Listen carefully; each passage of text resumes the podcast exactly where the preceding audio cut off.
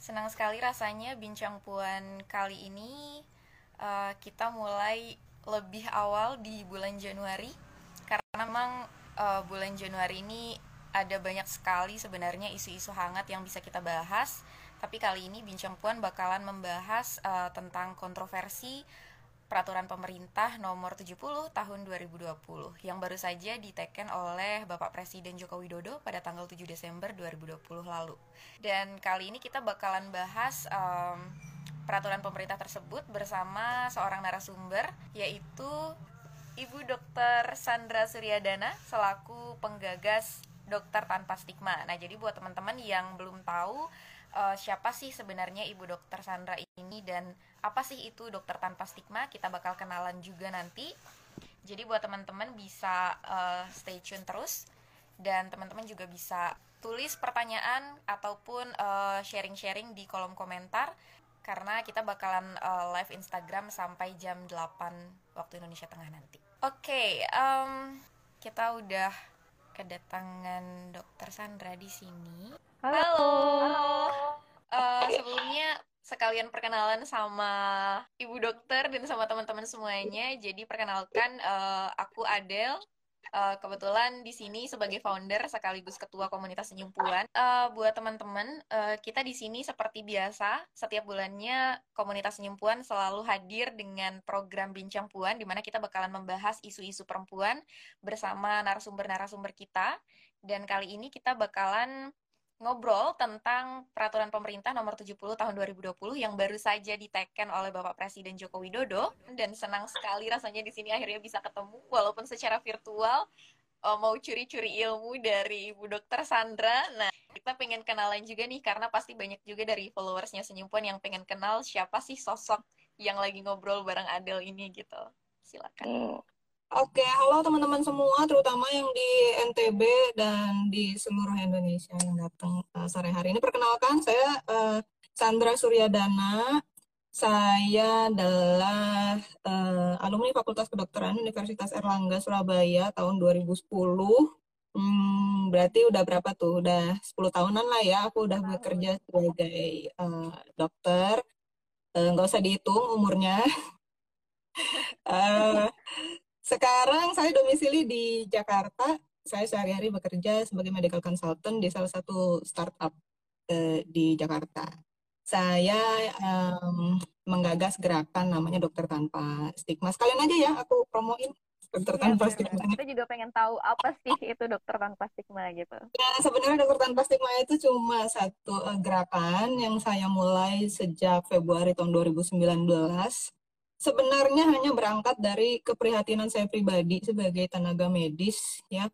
Dari pengalaman-pengalaman saya bekerja uh, saya melihat justru banyak sekali stigma-stigma negatif uh, khususnya di bidang kesehatan itu justru banyak berasal uh, dari tenaga-tenaga medis. Jadi uh, sangat miris ya kalau saya melihat itu uh, kok kita yang tenaga medis ini seharusnya bisa memberikan edukasi yang benar ke masyarakat karena masyarakat kan percaya ya kita kan uh, sekolah tinggi uh, kita sudah dapat ilmunya ternyata justru kita malah menjadi sumber dari stigma-stigma negatif itu jadi sebenarnya berangkat dari itu aja Hmm, ini cuma satu gerakan, kita bukan komunitas, jadi um, gerakannya cuma ada di Instagram, di Facebook. Ini cuma hanya memberikan edukasi-edukasi aja supaya um, ya tidak hanya tenaga medis saja, tapi terutama supaya tenaga medis itu paling nggak uh, lebih mau uh, terbuka, membuka diri untuk wawasan baru dan uh, lebih mau banyak belajar lagi gitu supaya tidak memberikan stigma negatif ke masyarakat begitu. Betul itu penting sekali sih karena memang juga uh, di kebetulan di Senyumpuan itu kan ada yang namanya hotline ruang aman ya. Jadi hmm. mereka juga sering banget cerita dapat ketika mereka uh, kayak misalnya pengen cek nih di uh, rumah sakit uh, kalau mereka ada nggak nih misalnya penyakit uh, menular untuk penyakit seks menular hal-hal seperti itu. Tapi justru sebelum ketika mereka ingin mencari tahu, mereka dapat stigma dulu nih ini udah nikah belum? Yeah. Loh kok belum nikah tapi kok cek gini-gini kayak gitu kan. Jadi yeah. ya itu penting banget sih. Keren-keren. Yeah. Oke. Okay. Nah, uh, satu ini juga sekarang kita kan lagi ada isu hangat banget nih uh, soal peraturan pemerintah nomor 70 yeah. tahun 2020. Nah, uh, kalau misalnya kita lihat kekerasan seksual itu kan sebenarnya angkanya semakin tahun tuh semakin meningkat ya.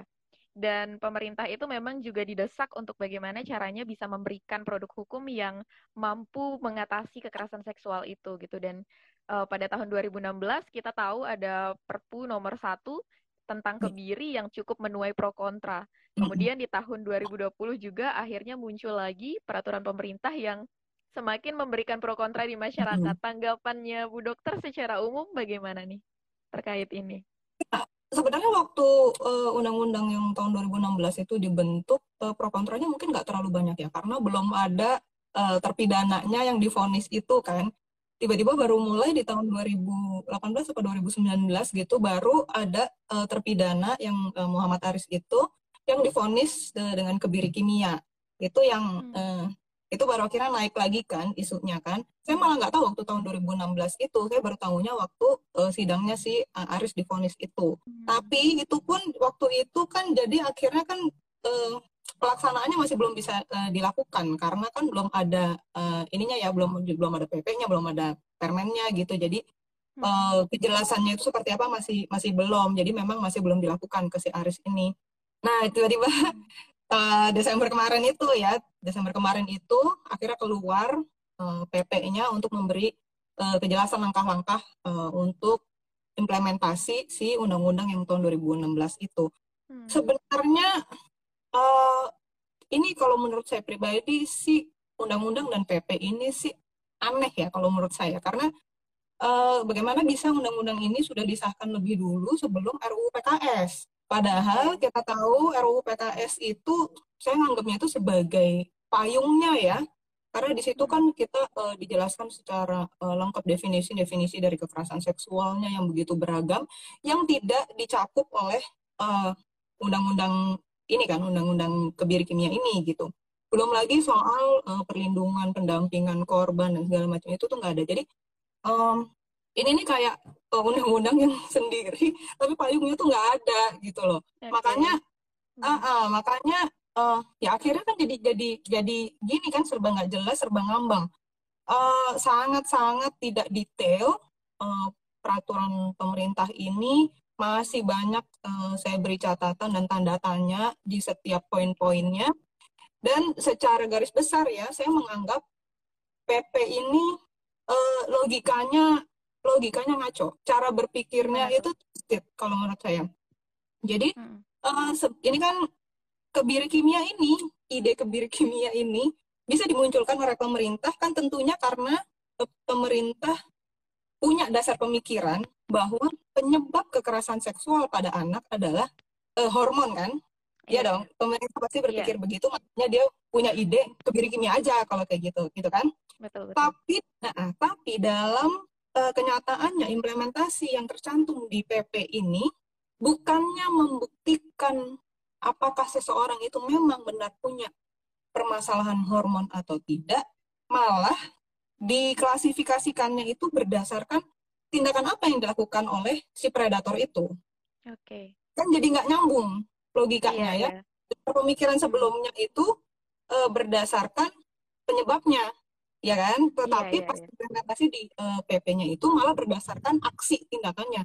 Yang mana yeah. kan uh, apakah itu persetubuhan atau percabulan gitu kan? Mm-hmm. Kalau persetubuhan baru dilakukan kebiri kimianya, sementara kalau misalkan percabulan kan tidak. Nah, itu kan jadi jadi aneh gitu karena kan tidak semua orang yang punya masalah hormon dia pasti melakukannya persetubuhan gitu kan? Iya, ya bisa betul, aja betul. persetubuhan mm-hmm. atau melakukan kekerasan seksual yang lain yang tidak di, tidak dicantumkan di uh, eh, PP ini gitu kan? Iya, betul. Atau betul. bisa juga orang-orang yang yang aksinya adalah uh, pemaksaan persetubuhan pada anak bisa jadi dia tuh ya tidak punya masalah hormon.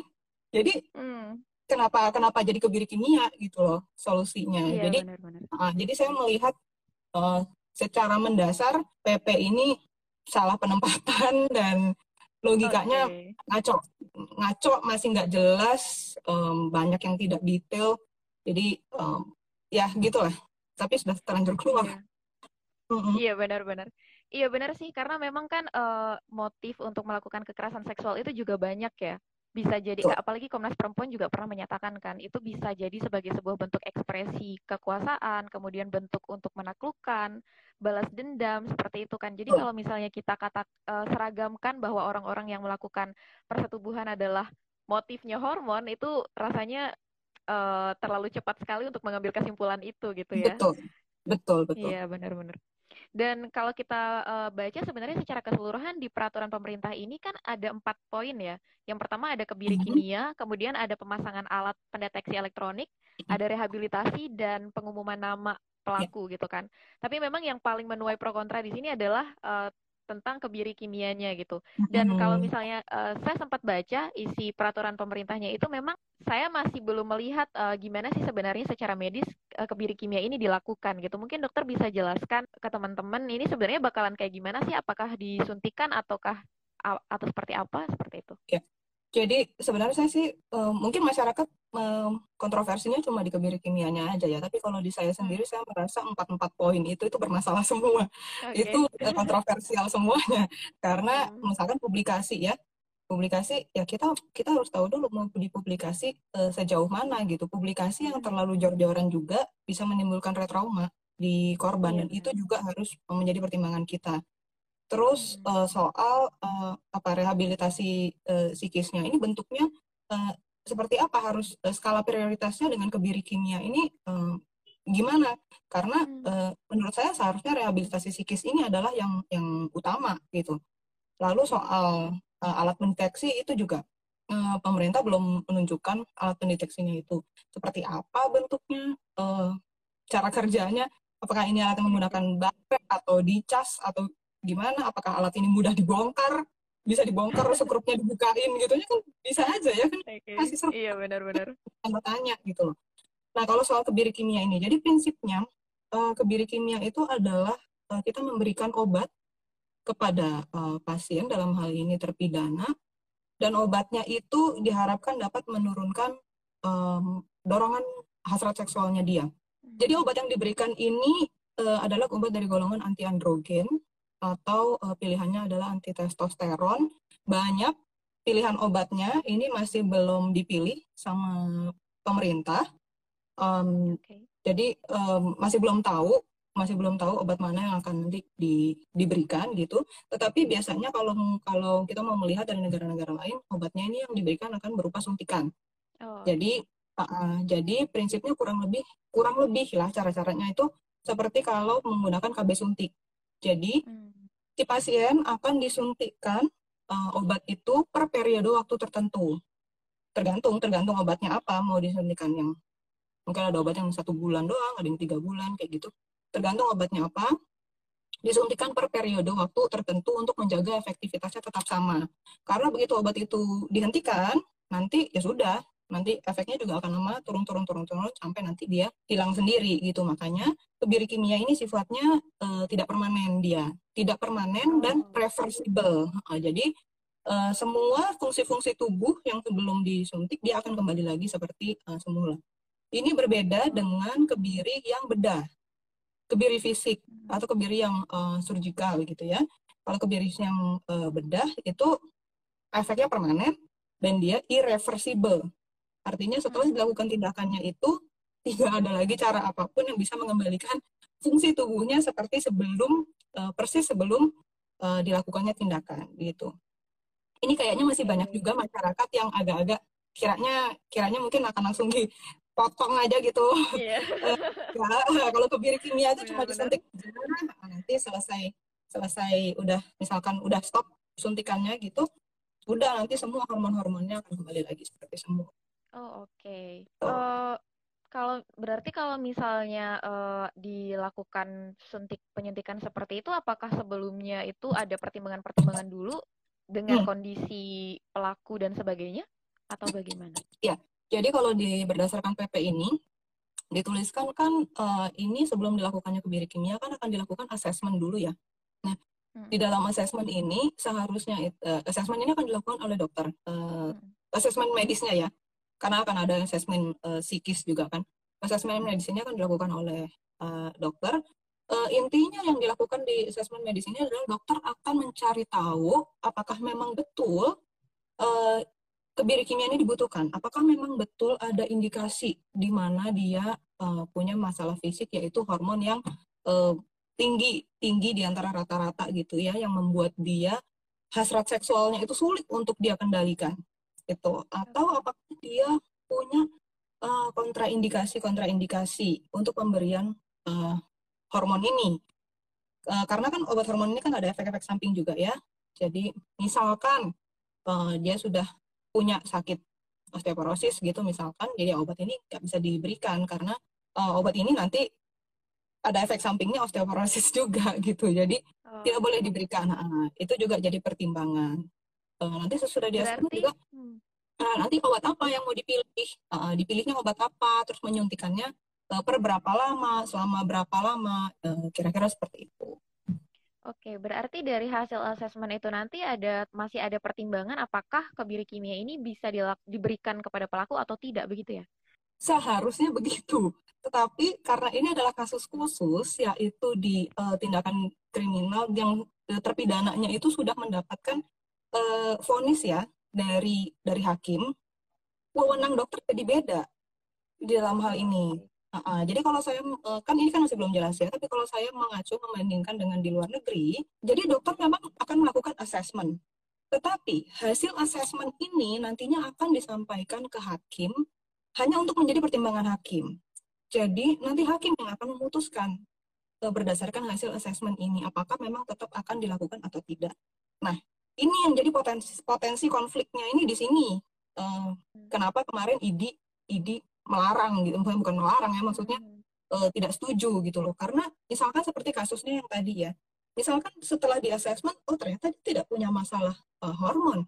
Kekerasan seksual yang dia lakukan bukan bukan disebabkan karena masalah hormon ini. Jadi dia tidak memerlukan uh, kebiri kimia ini tidak memerlukan terapi hormon ini. Uh, atau ada kontraindikasi tadi itu jadi tidak bisa diberikan. Uh, kemudian kita laporkan hasil assessment ini ke hakim. Kalau hakim tetap kekeh pada keputusannya untuk uh, enggak meskipun hasil asesmennya seperti itu tetap lakukan uh, kebiri kimianya, tetap suntikan anti testosteron itu. Ini yang menjadi konflik, konflik etika untuk uh, dokter yang akan melakukan. Karena dokter itu kan sudah mengetahui bahwa pemberian obat ini tidak sesuai indikasi dan bisa membahayakan pasien gitu. Jadi jadi ini yang ini yang kita benar-benar perlu hati-hati banget gitu. Karena kan seperti Aris yeah. ini, vonisnya udah keluar kebiri kimia, apakah asesmen dokternya masih akan uh, ngefek gitu, masih akan bisa merubah vonis dari si hakim okay. atau tidak gitu. Oh, berarti asesmen dari dokter tidak terlalu mempengaruhi keputusan hakim belum ya, tahu. Ya? belum oh, belum, belum tahu, tahu. Okay. tapi kira-kira prosedurnya kalau mengacu membandingkan dengan di luar negeri kira-kira prosedurnya seperti itu gitu Mudah-mudahan sih tidak seperti itu ya, tapi karena belum ada iya. kejelasan yeah. jadi belum tahu. Oke. Okay. Kalau uh, itu tadi kan osteoporosis dan lain sebagainya. Kalau untuk ke psikisnya ada nggak sih uh, efeknya dari kebiri kimia ini untuk pelaku? Oh iya, jadi um, hormon ini kan meskipun dia kecil uh, kadarnya di dalam tubuh itu kan dia efeknya itu macam-macam ke tubuh ya. Jadi dia yang utama itu tadi satu dia akan sangat-sangat mengurangi uh, hasrat seksual seseorang. Yang ini juga kalau di laki-laki akan mempengaruhi kemampuan dia untuk ereksi.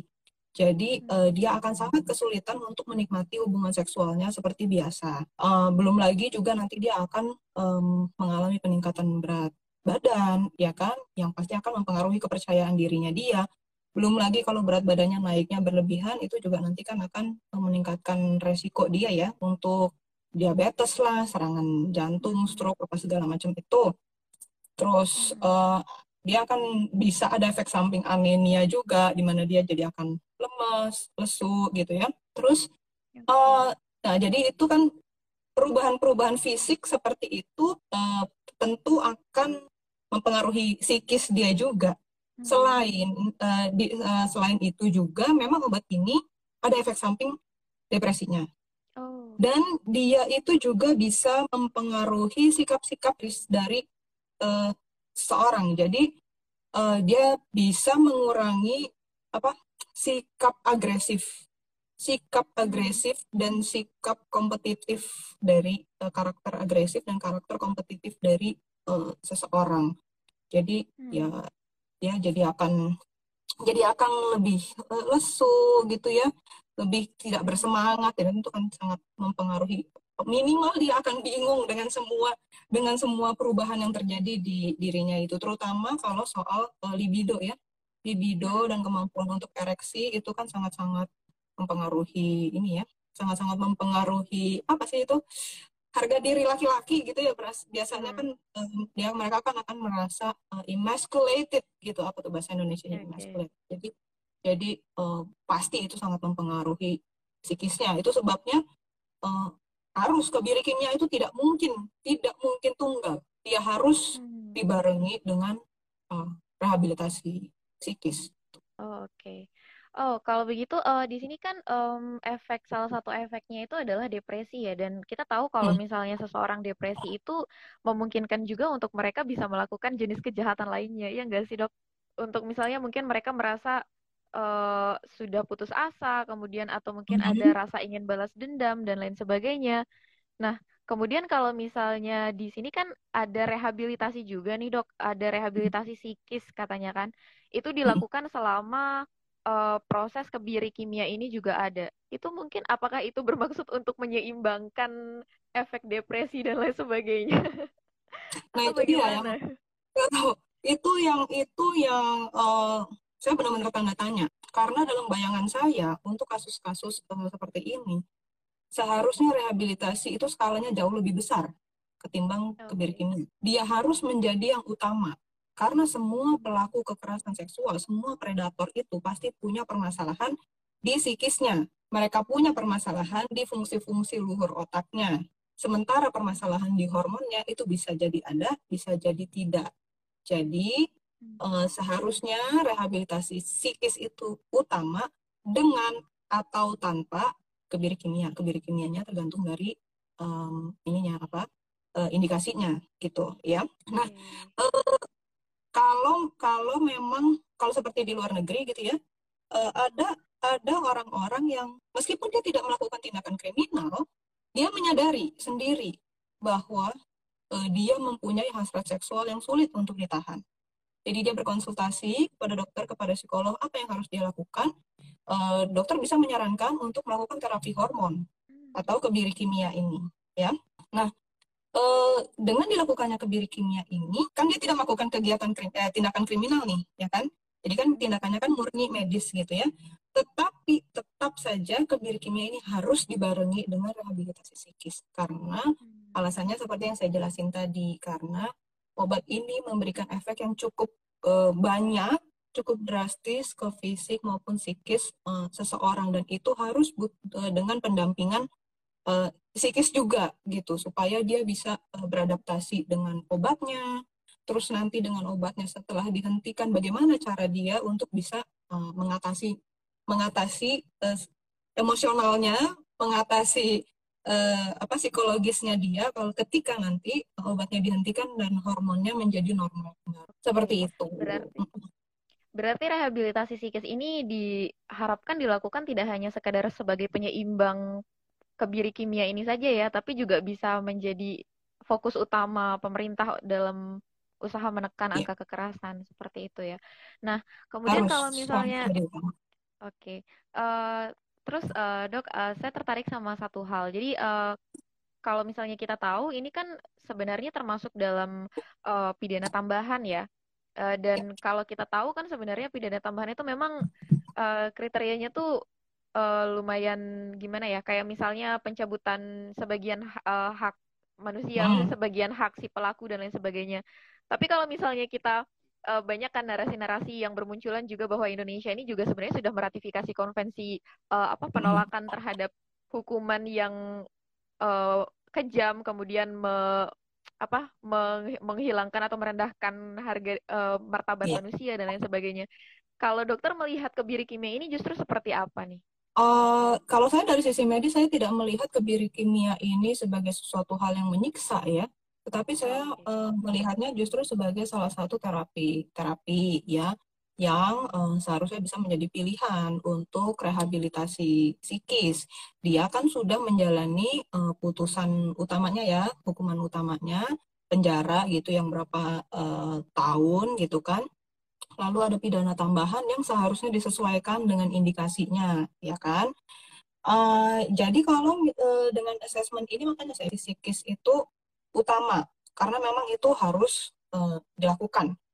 Uh, okay. Dia pasti punya permasalahan psikis, sementara kebiri kimia ini kan hanya tambahan untuk mendukung saja, untuk mendukung uh, efektivitas dan supaya rehabilitasi rehabilitasi psikisnya ini bisa lebih uh, apa ya lebih cepat lah ya kan misalkan memang dia uh, benar indikasinya dia punya uh, hormon yang lebih tinggi daripada rata-rata sehingga dia kesulitan untuk menahan hasrat seksualnya. Sambil dia dilakukan rehabilitasi psikis, uh, ini bisa saling kolaborasi, ini bisa saling kerjasama gitu. Jadi psikolog atau psikiaternya bisa memandu dan justru harus memandu memandu dokternya gitu kan. Kapan sebaiknya terapi hormonnya ini dilakukan gitu. Misalkan uh, dok boleh nggak kita uh, suntiknya agak mundur dulu ya dok? Saya mau coba uh, metode uh, apa psikoterapi yang ini dulu gitu. Nanti kalau misalkan saya sudah selesai uh, baru kita baru baru kita coba ya untuk suntik uh, hormonnya itu. Um, atau uh, di tengah-tengah jalan gitu misalkan uh, misalkan dok oke okay, kita bisa ya mulai ya suntik uh, suntik anti anti testosteronnya ini uh, nanti setelah berapa lama gitu di follow up gitu bilang uh, oke okay, dok kita boleh ya uh, hentiin kita coba hentiin uh, hormonnya ini saya mau lihat dulu uh, kalau misalkan dia hormonnya udah normal lagi kira-kira terapi saya yang kemarin itu berhasil apa enggak? Jadi jadi seharusnya ini benar-benar benar-benar tambahan gitu loh. Bukan bukan yang jadi utama rehabilitasi psikis dia harus jadi uh, utama ini hanya untuk mendukung aja supaya lebih mudah atau mungkin bahkan bisa jadi lebih cepat kan eh, psikoterapinya itu gitu. Ini mungkin kita bisa uh, sambil bacain pertanyaan-pertanyaan yang ada nih dok. Udah ada pertanyaan-pertanyaan. Kebiri itu identik dengan laki-laki secara biologis. Bagaimana jika pelakunya adalah perempuan? nah, itu dia, ya kan? Itu dia kan?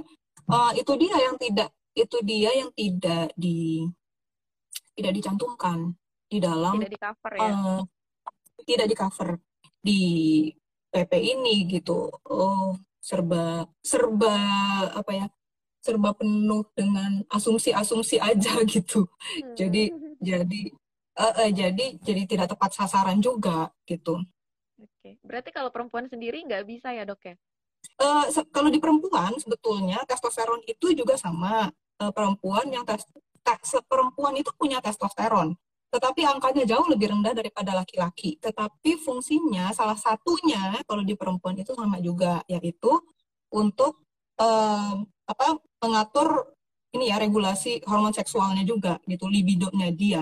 Jadi memang kalau eh, perempuan dia hormon testosteronnya lebih tinggi daripada rata-rata normal perempuan, dia memang libidonya akan lebih tinggi. Tapi kalau di perempuan disuntik anti testosteron beda hasilnya.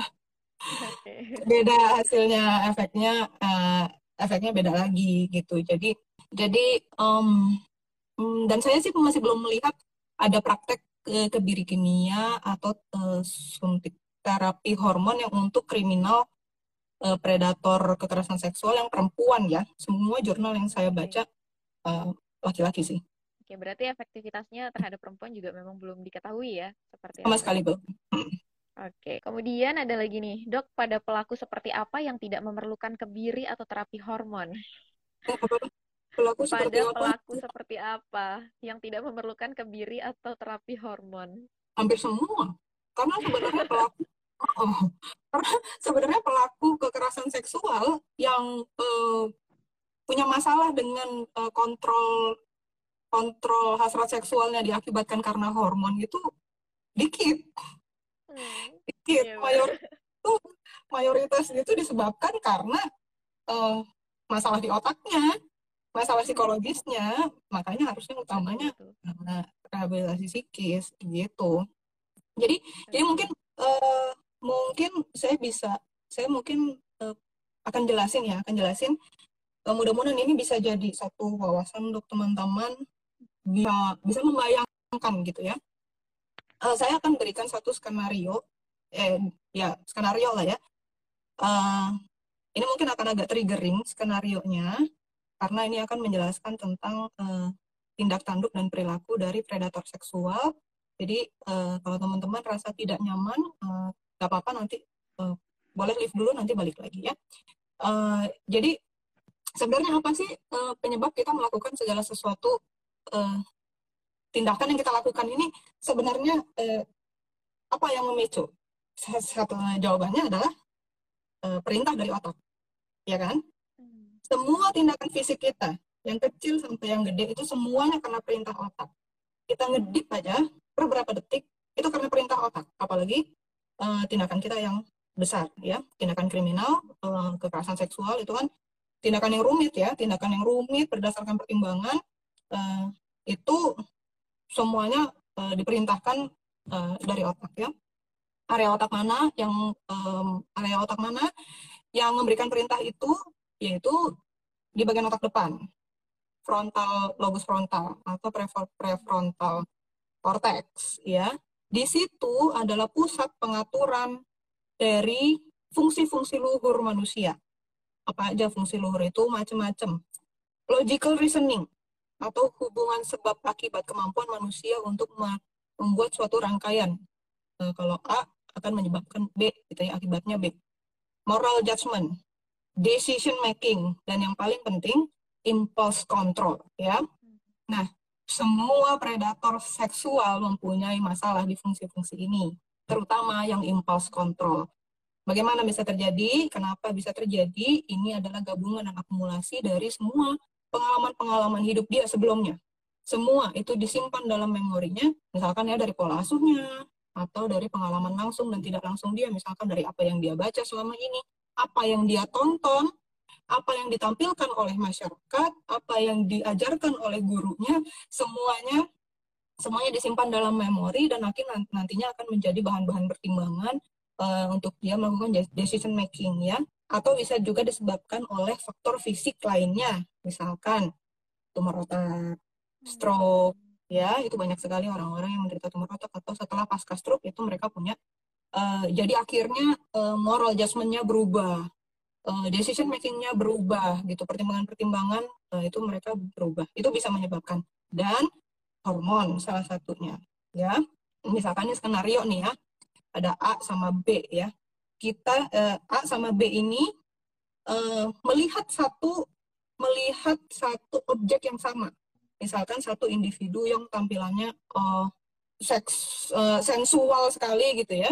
Jadi A sama B nilai hormonnya sama karena melihat satu objek yang sensual sekali eh, sama-sama terangsang gitu ya secara seksual. Tapi perbedaannya A kemudian akan melakukan kekerasan seksual, memerkosa si uh, individu tersebut sementara B tidak. Apa yang membedakan? Mereka sama-sama melihat satu objek yang sama. Kenapa keputusan mereka bisa berbeda? Ini karena di fungsi-fungsi luhur mereka itu tadi. Jadi ya ah, mungkin logikanya dia beda aja. Mungkin logikanya dia oh ya karena dia pakai bajunya seksi, dia keluar malam, boleh dong gue perkosa, ya kan? Bisa jadi itu logikanya dia. Moral judgmentnya dia udah ngaco, nggak tahu ke mana. Ya akhirnya uh, otaknya memberikan uh, keputusan uh, perkosa dan dia tidak punya impuls kontrol yang baik. Jadi meskipun otaknya setelah otaknya memerintahkan dia untuk perkosa langsung dia lakukan. Dia nggak pikir lagi, dia nggak punya kontrol diri. Sementara B uh, bisa aja uh, apa? Ya mungkin B juga kepikiran gitu apa gue perkosa aja gitu ya. Tapi uh, dia akhirnya berpikir lagi, dia punya kontrol yang baik. Jadi dia bisa berpikir, oh, enggak, gue nggak akan perkosa meskipun dia bajunya kayak gimana, meskipun dia pacar gue atau meskipun dia apa gue tidak akan perkosa karena gue tahu itu salah. Jadi jadi itu itu yang membedakan. Ya jadi jelas kan bahwa rehabilitasi psikis harus harus okay. jadi yang utama gitu. Karena memang permasalahannya otak itu gitu. Oke, okay, bagaimana kira -kira mereka bisa menggunakan teknologi berpikir mereka dengan maksimal ya? Hmm, itu dari yang akumulasi pengalaman bertahun-tahun seperti itu, itu kan tidak tidak mudah ya untuk melakukan hmm. psikoterapi mengubah lagi semua logika-logika berpikir itu uh, hmm. jadi diatur lagi semua jaras-jaras dan perkabelannya itu diatur lagi itu juga butuh waktu yang lama dan rumit gitu. Oke. Okay. Uh, eh, ada lagi nih dok. Ini mungkin udah terjawab sih tadi ya. Apakah ada konflik kode etik yang terlanggar jika tenaga medis melakukan hukuman tambahan kebiri? Mungkin bisa iya, dijabarkan singkat lagi dok. Iya itu tadi pelanggarannya itu um, yang pertama sebenarnya uh, yang ya, tadi saya udah jelasin ya uh, pelanggaran yang pertama itu kalau misalkan hasil asesmennya ternyata tidak sesuai indikasi atau ada kontraindikasi kan tidak bisa dilakukan tetapi hasil asesmen itu hanya akan diserahkan ke hakim lalu hakim yang akan tetap memberikan keputusan. Kalau hakim memberikan keputusan yang uh, berlawanan dengan hasil dari asesmen itu dan tetap memerintahkan dokternya itu dokternya tetap harus lakukan loh karena karena hakim yang menyuruh ya kan? Di situ konflik uh, etika profesinya karena kita tidak boleh melakukan sesuatu hal yang jelas-jelas kita tahu tidak sesuai indikasi dan membahayakan uh, pasien. Itu yang nomor satu. Lalu yang kedua sebenarnya kita juga ada uh, konflik soal uh, ini persetujuan dari pasien jadi sebenarnya uh, ada diatur di dalam etika kedokteran itu semua tindakan uh, dokter itu harus berdasarkan uh, persetujuan dari pasien. Kecuali di dalam situasi-situasi khusus, misalkan gawat darurat atau di mana pasiennya tidak bisa uh, diajak berkomunikasi, begitu dokter akan uh, mengambil keputusan yang terbaik untuk keselamatan pasien. Tapi kan dalam hal ini sebenarnya kan pasiennya alias si terpidana kan masih bisa diajak berkomunikasi. Jadi seharusnya atas iya. dasar persetujuan dia. Sementara dalam hal ini itu kan ya hak bebasnya si terpidana kan sudah dicabut ya. Jadi eh, orang lain yang menentukan satu tindakan medis ke dia gitu. Itu yang itu juga yang eh, masih konflik gitu. Masih sementara masih didiskusikan. Kemudian ini kayaknya seru ya ngebahas soal ini ini ada nah, kita seru-seru aja kalau kita santai aja nih Oke, okay. ini katanya tingginya hormon testosteron itu dipengaruhi apa? Apakah karena hereditas, karena faktor eksternal atau apa? Hmm, enggak, faktor-faktor uh, memang dia sudah bawaannya seperti itu. Karena faktor-faktor eksternal tidak bisa meningkatkan hormon testosteron itu dalam jangka waktu yang panjang. Jadi memang dia baseline-nya sudah tinggi seperti itu. Ini memang udah bawaannya dia. Kalau faktor-faktor eksternal itu kayak makanan atau misalkan orang nonton film porno aja hormon testosteronnya naik ya, tapi cuma sebentar doang. Habis itu dia akan kembali lagi ke baseline-nya seperti biasa. Oke. Okay. Apakah ada mekanisme asesmen yang bisa dilakukan secara medis untuk menentukan seorang pelaku butuh hukuman tambahan kebiri untuk mendukung rehab? Hmm, kalau dari medisnya asesmennya cukup cek hormonnya aja. Cukup cek hmm. hormonnya aja, tetapi itu kemudian harus eh, di dengan anamnesa lagi ya artinya kita menanyakan setelah kita cek hasil hormon hasil hormonnya keluar ya terus kita tanyakan lagi sehari harinya dia seperti apa aktivitas seksualnya berapa kali dia berfantasi seksual berapa kali uh, dia melakukan masturbasi berapa kali dia kesulitan menahan menahan hasrat seksualnya seperti itu selain uh, selain mengecek hormonnya juga tadi seperti yang dokter katakan uh, resiko-resikonya apakah ada dalam tubuh pelaku kayak misalnya pelaku sudah ada osteoporosis seperti itu juga itu hal seperti itu juga dicek ya? Iya dicek terutama yang mungkin uh, awal-awal seharusnya dicek dulu apakah dia punya uh, apa masalah fisik di otaknya ya seperti. Seperti ya tumor otak tadi gitu misalkan gitu ya. Karena bisa jadi juga karena um, ada juga kejadian-kejadian di mana uh, orang orang itu setelah uh, dia punya dia punya tumor otak gitu di bagian prefrontal itu ternyata uh, jadi muncul hasrat-hasrat seksual yang tidak seharusnya gitu. Hasrat-hasrat seksual yang mengganggu dan inappropriate gitu. Padahal uh, sebelumnya dia tidak seperti itu gitu. Dan itu kan sebenarnya simple solusinya ya kalau bisa diangkat angkat aja tumornya setelah tumornya diangkat juga um, hasrat seksual itu tidak akan ada lagi maksudnya eh hasrat maksudnya uh, tindakan uh, perilaku seksual yang inappropriate itu juga akan tidak ada lagi. Oke. Okay. Uh, eh, kalau yang ini ada pertanyaan sih kalau yang apakah hukum kebiri ini sudah dilaksanakan di negara lain? Sebenarnya udah sih ya. Tapi kalau yang dokter tahu hmm. Uh, sejauh ini perbedaan yang dari PP kita dengan yang diterapkan di negara-negara lain itu apa nih dok? Dan mungkin itu yang justru sangat meresahkan buat teman-teman dokter. Uh, jauh karena uh, ya karena kan ini karena kan ini masih belum jelas juga ya PP-nya ya. Jadi saya nggak tahu juga nanti implementasinya uh, sebenarnya akan seperti apa. Kalau di contoh di negara uh, Denmark itu misalnya ya, jadi um, kebiri kimia ini dijadikan pilihan untuk terpidana. Apakah uh, terpidana memang mau melakukan prosedur ini gitu. Jadi uh, ini kan kalau kebiri kimia ini kan atas dasar kepatuhan dari pasien ya. Jadi pasien itu setelah dia menjalani sama di negara lain juga setelah dia menjalani hukumannya lalu akan dilanjutkan dengan kebiri kimia ini kan artinya kan dia udah keluar dari penjaranya itu ya kan? Makanya dia dipasangin gelang gelang pendeteksi itu kan supaya polisi kan bisa memantau dia ada di mana gitu kan. Dan dia per periode waktu tertentu dia harus datang sendiri ke vaskesnya untuk disuntik ini. Nah kalau orangnya tidak atas dasar kesadaran sendiri kira-kira mau atau tidak? Ya kan? Kan itu tanda tanya besarnya. Dan um, ya kira-kira mau nggak? Kalau katakan kamu mau nggak bulan kamu harus datang disuntik obat yang kamu tahu nggak akan bisa bikin kamu uh, berhubungan seksual secara normal lagi gitu. Hmm. Saya rasa nggak iya, akan ada yang mau gitu kecuali dia atas dasar uh, kesadaran sendiri gitu. Jadi jadi makanya kalau kalau uh, itu di Denmark mereka kasih kasih kebebasan gitu, kasih pilihan uh, mau atau enggak.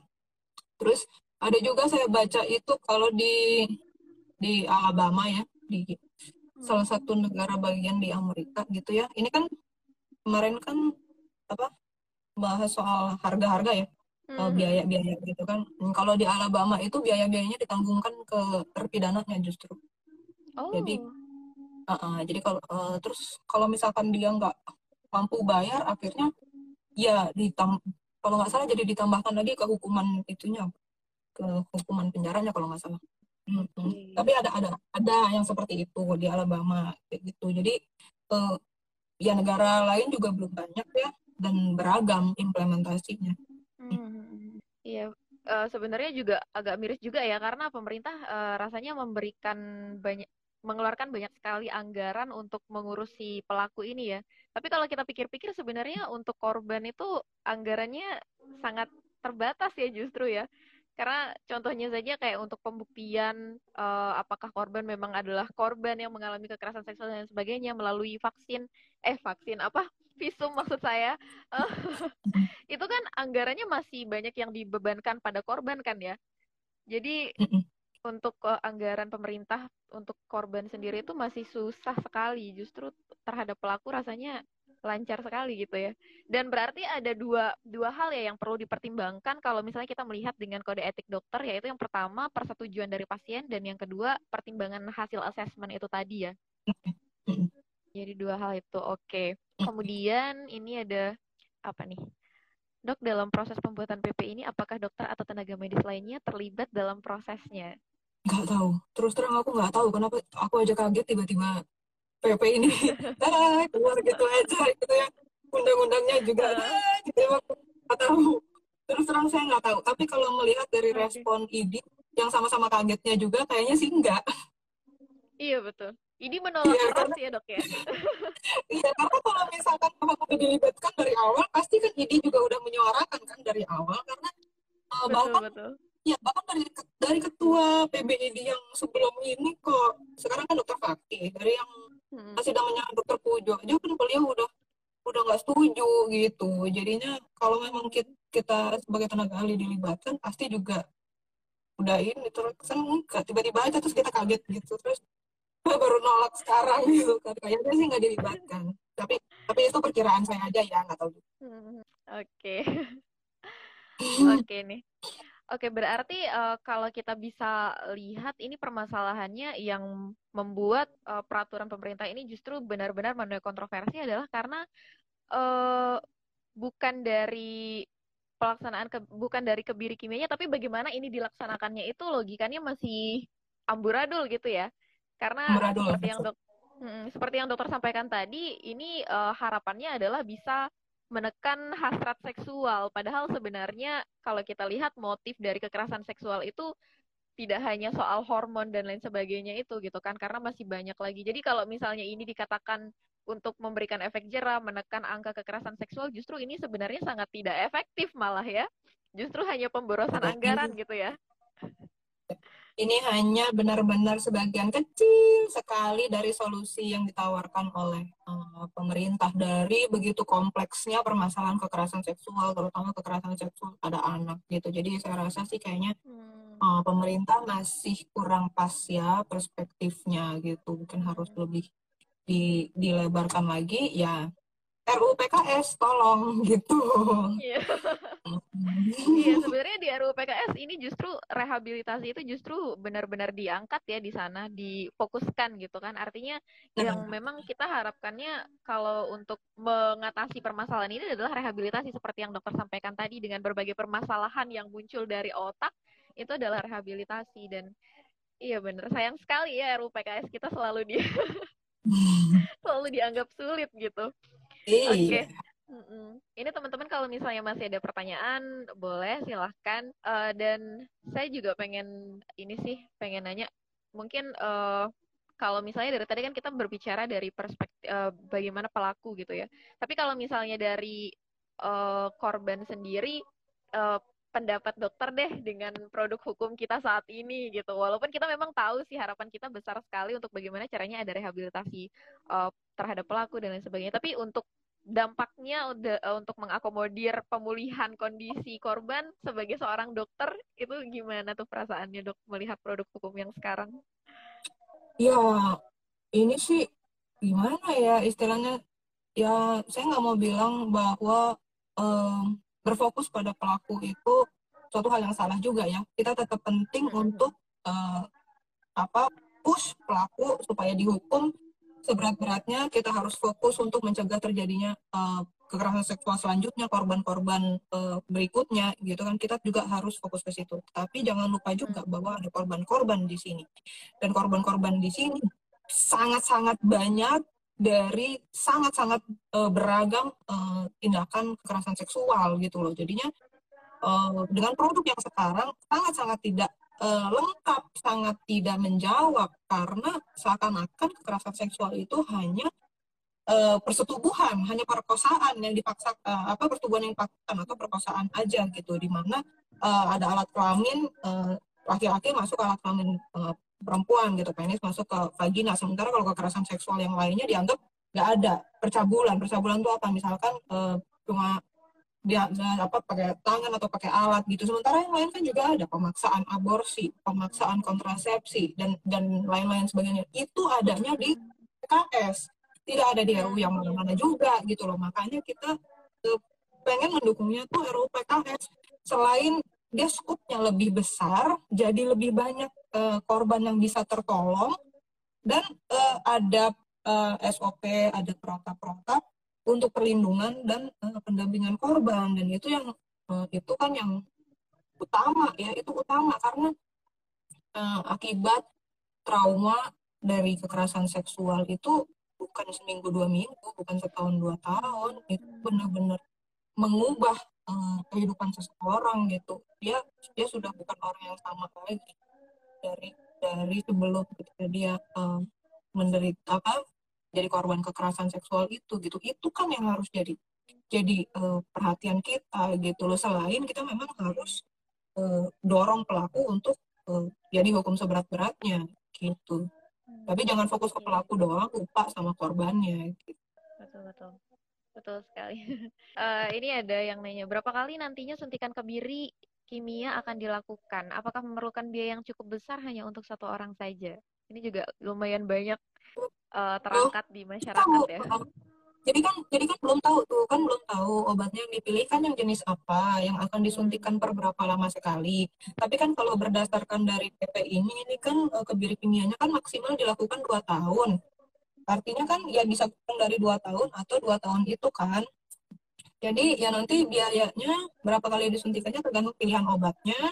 Terus biayanya berapa ya tergantung mereknya apa yang mau di pilih ya kan?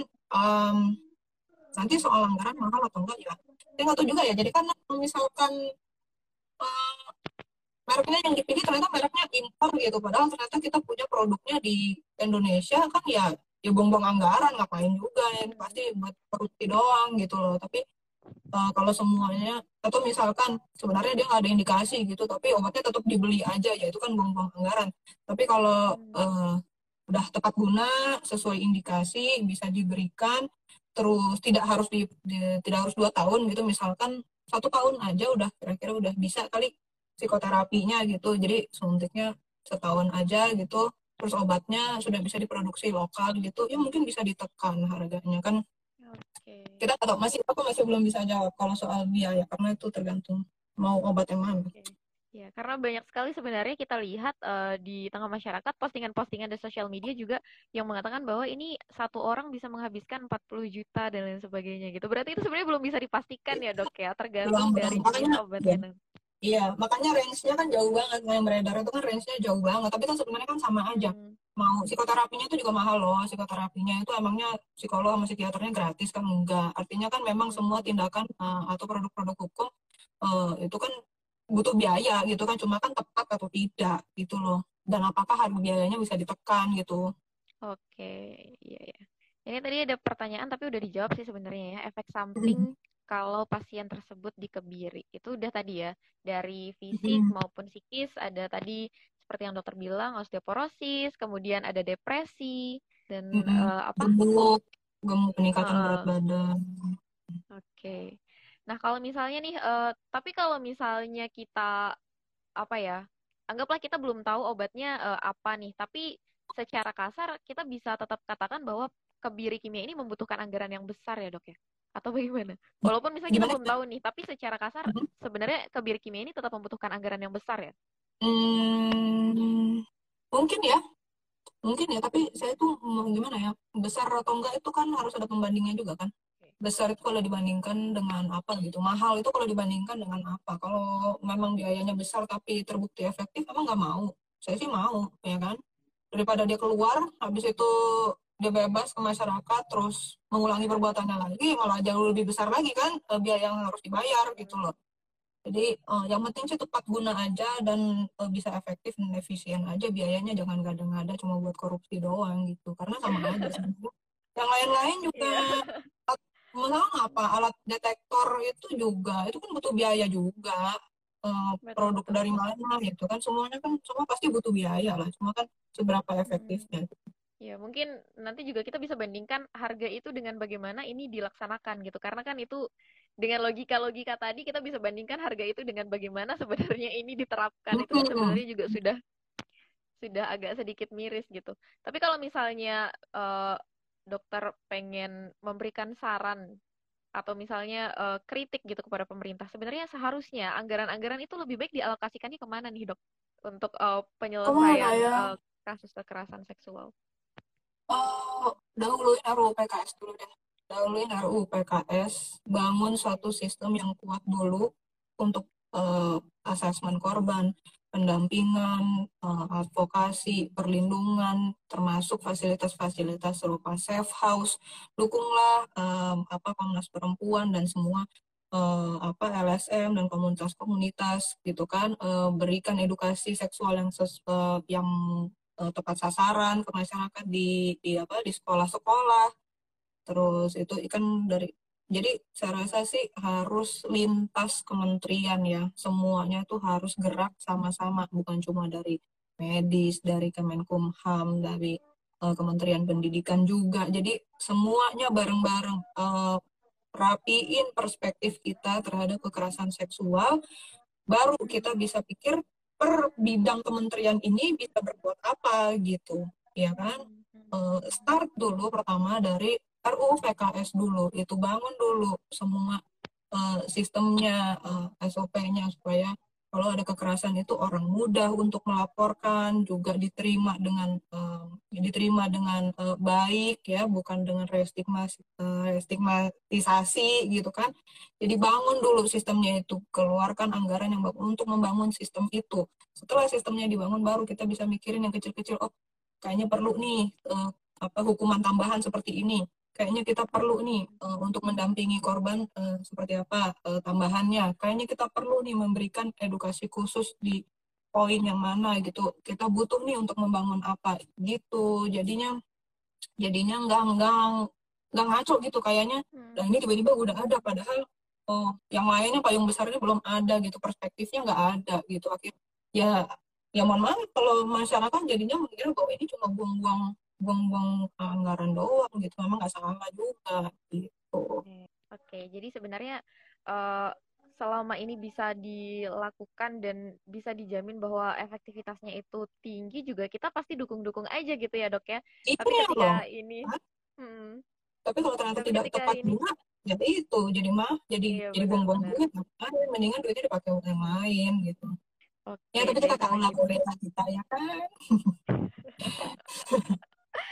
Iya benar bang. Jadi kita harus tetap mengawal bagaimana RUU PKS bisa disahkan. Jangan sampai ada alasan lagi kesulitan dengan mendefinisikan kekerasan seksual nih dok. Ya itu dia. Itu dia di masyarakat itu ngerti ya. Masih banyak salah juga di masyarakat. Jadi uh, berat kalau misalkan kita cuma dari akar rumput gini terus-terusan berusaha mengedukasi pasien, eh mengedukasi masyarakat gitu dari atas dong, dari pemerintah dong bikin uh, peraturan yang akhirnya memaksa, istilahnya setengah memaksa masyarakat akhirnya bisa mengerti ini loh kekerasan seksual, ini ragamnya kekerasan seksual, gitu. Hmm, Oke deh kalau gitu. Dokter mungkin uh, ini kita udah ngobrol panjang, sebenarnya pengen ngobrol lebih banyak lagi ya sebenarnya. Tapi mungkin kita nanti bisa ngobrol-ngobrol lagi di lain waktu dengan isu-isu lain karena kayaknya kalau ngebahas uh, kasus kekerasan dari segi medis juga itu sesuatu yang seru banget.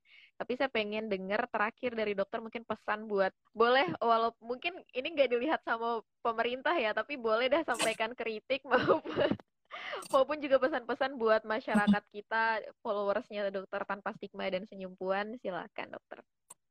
Oke, okay, kalau buat pemerintah sih mungkin saya uh, pesannya uh, belajar lagi ya Bapak, Ibu, coba tolong benar-benar okay. belusukan, buka mata, lihat di masyarakat rakyat kalian itu tuh seperti apa. Kekerasan seksual di Indonesia itu udah darurat, ya kan? Apalagi hmm. kekerasan seksual pada anak.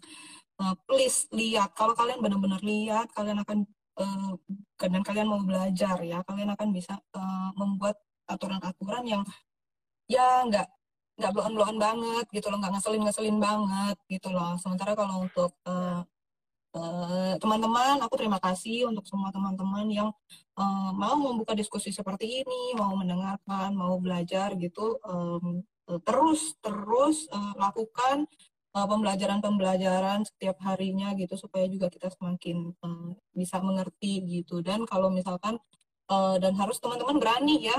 Uh, kita kan sudah uh, belajar gitu berani untuk menyuarakan sahkan RUU PKS atau apa yang bisa kalian lakukan di lingkungan sekitar kalian sendiri. Seperti senyum puan ini di lingkungan Nusa Tenggara gitu apa yang menjadi isu isu lokal gitu ya. Itu yang diangkat. Nah kalau kita rame-rame sama-sama kita uh, gotong royong gitu gerak sama-sama uh, pasti suaranya itu nyampe dan kenceng gitu akhirnya uh, kita berdoa suatu hari nanti kita bisa menang Oke. Amin. Luar biasa sekali. Terima kasih banyak dokter untuk kesempatannya berbagi banyak banget ilmu yang kita dapat di malam hari ini dan semoga bisa ngobrol lagi atau mungkin nanti kita juga bisa undang yes. dokter di kelasnya senyumpuan ya bareng member-member kita. Iya benar, ada oh. kelas. Jadi mungkin kita bisa ngobrol-ngobrol diskusi lagi. Terima kasih banyak buat waktunya Makasih, lagi buat Iya, buat teman-teman juga semuanya terima kasih banyak. Uh, dan kalau misalnya mau nonton uh, live Instagram ini kita bakalan save dan sampai jumpa di Bincang Puan edisi Februari. Oke, terima kasih dokter. Selamat malam. Selamat selalu. Bye semuanya. Bye semua.